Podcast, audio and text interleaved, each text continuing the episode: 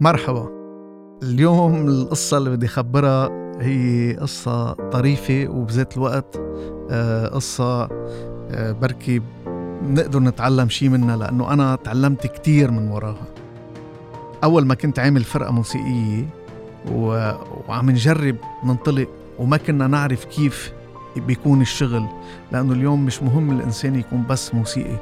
يعني بده يكون نصه موسيقي ونصه عنده إدارة أعمال ليقدر يسوق حاله. كرمال هيك شفنا قديش تطور الماركتينج من من من زمان لليوم قديش صار له محل ضمن الأعمال الفنية. فنحن كنا ما أولاد يعني ما نعرف كيف بدنا نسوق حالنا ومش عارفين إنه لازم يكون عم نشتغل مع مطرب لحتى يعرفونا الناس.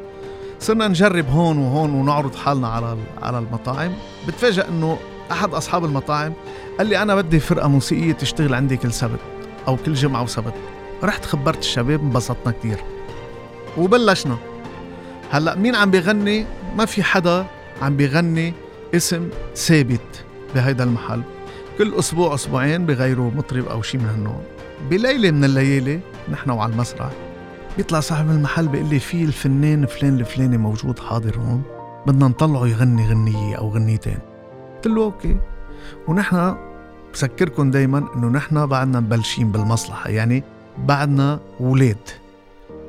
بقى ما كتير عنا ما عنا خبرة ما خبرة بعدة أمور. خبرة كيف نستقبل الضيف خبرة كيف نقدم الضيف تبعنا خبرة كيف بدنا نتعامل معه على المسرح. كل هودي بعد ما عنا هالخبرة.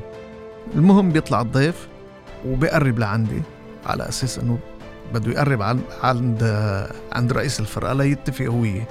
بكل بساطة بيقول لي أعطيني نكريز الضوء هلأ مثل ما عملتوا أنتم ردة فعل كانت ردة فعلي ذات الشيء شو يعني نكريز الضوء قلت له نعم. قال لي نكريز الضوء انتبه اللي قدرت أعرف إنه عم بيطلب مني اسم نغمه وأنا بوقتها ما كنت عارف هيدي النغمة. حقيقة موضوع آه، خجلني كتير. عرقت وتغير لوني.